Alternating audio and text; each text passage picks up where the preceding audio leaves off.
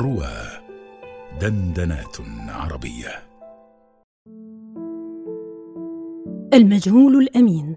في أحد أيام الشتاء خرجت أنا وأختي لشراء بعض الطلبات المنزلية التي طلبتها أمي. ثم عدنا إلى المنزل بعد أن لبينا طلباتها.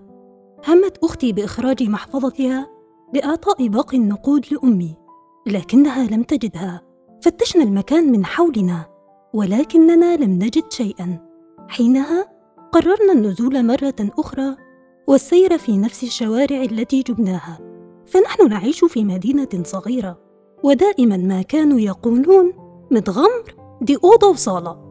الشوارع كانت محدودة والأماكن معروفة للجميع. بحثنا كثيرا ولكن دون جدوى. عدنا إلى المنزل فاقدين الأمل في إيجادها.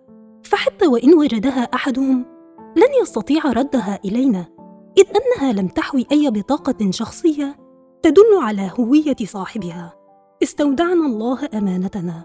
ومرت الأيام وتناسينا أمر المحفظة.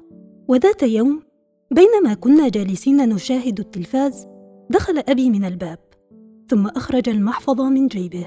تعجبنا كثيرا وسألناه أين وجدتها؟ أخبرنا بأنه لم يجدها.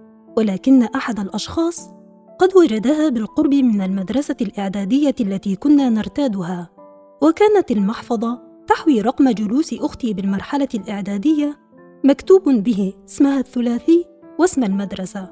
رجح هذا الغريب أن المحفظة تعود لإحدى طالبات المدرسة فتوجه إلى أستاذ اللغة العربية الذي كان يعطي دروسا بنفس الشارع وسلمها له.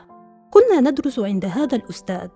وعندما قرأ الاسم عرفنا على الفور وذهب إلى عيادة والدي التي كانت تبعد بضع بنايات من المنطقة وأعطاها إياه. في بعض الأحيان قد نرى أن الأمور مستحيلة لكن الله دائما هنا ليخبرنا أن المستحيل ممكن. فسبحان الذي إذا أراد شيئا فإنه يقول له كن فيكون. شكرا أيها الأمين. ربما لم أرى وجهك. لكنك علمتني معنى الأمانة.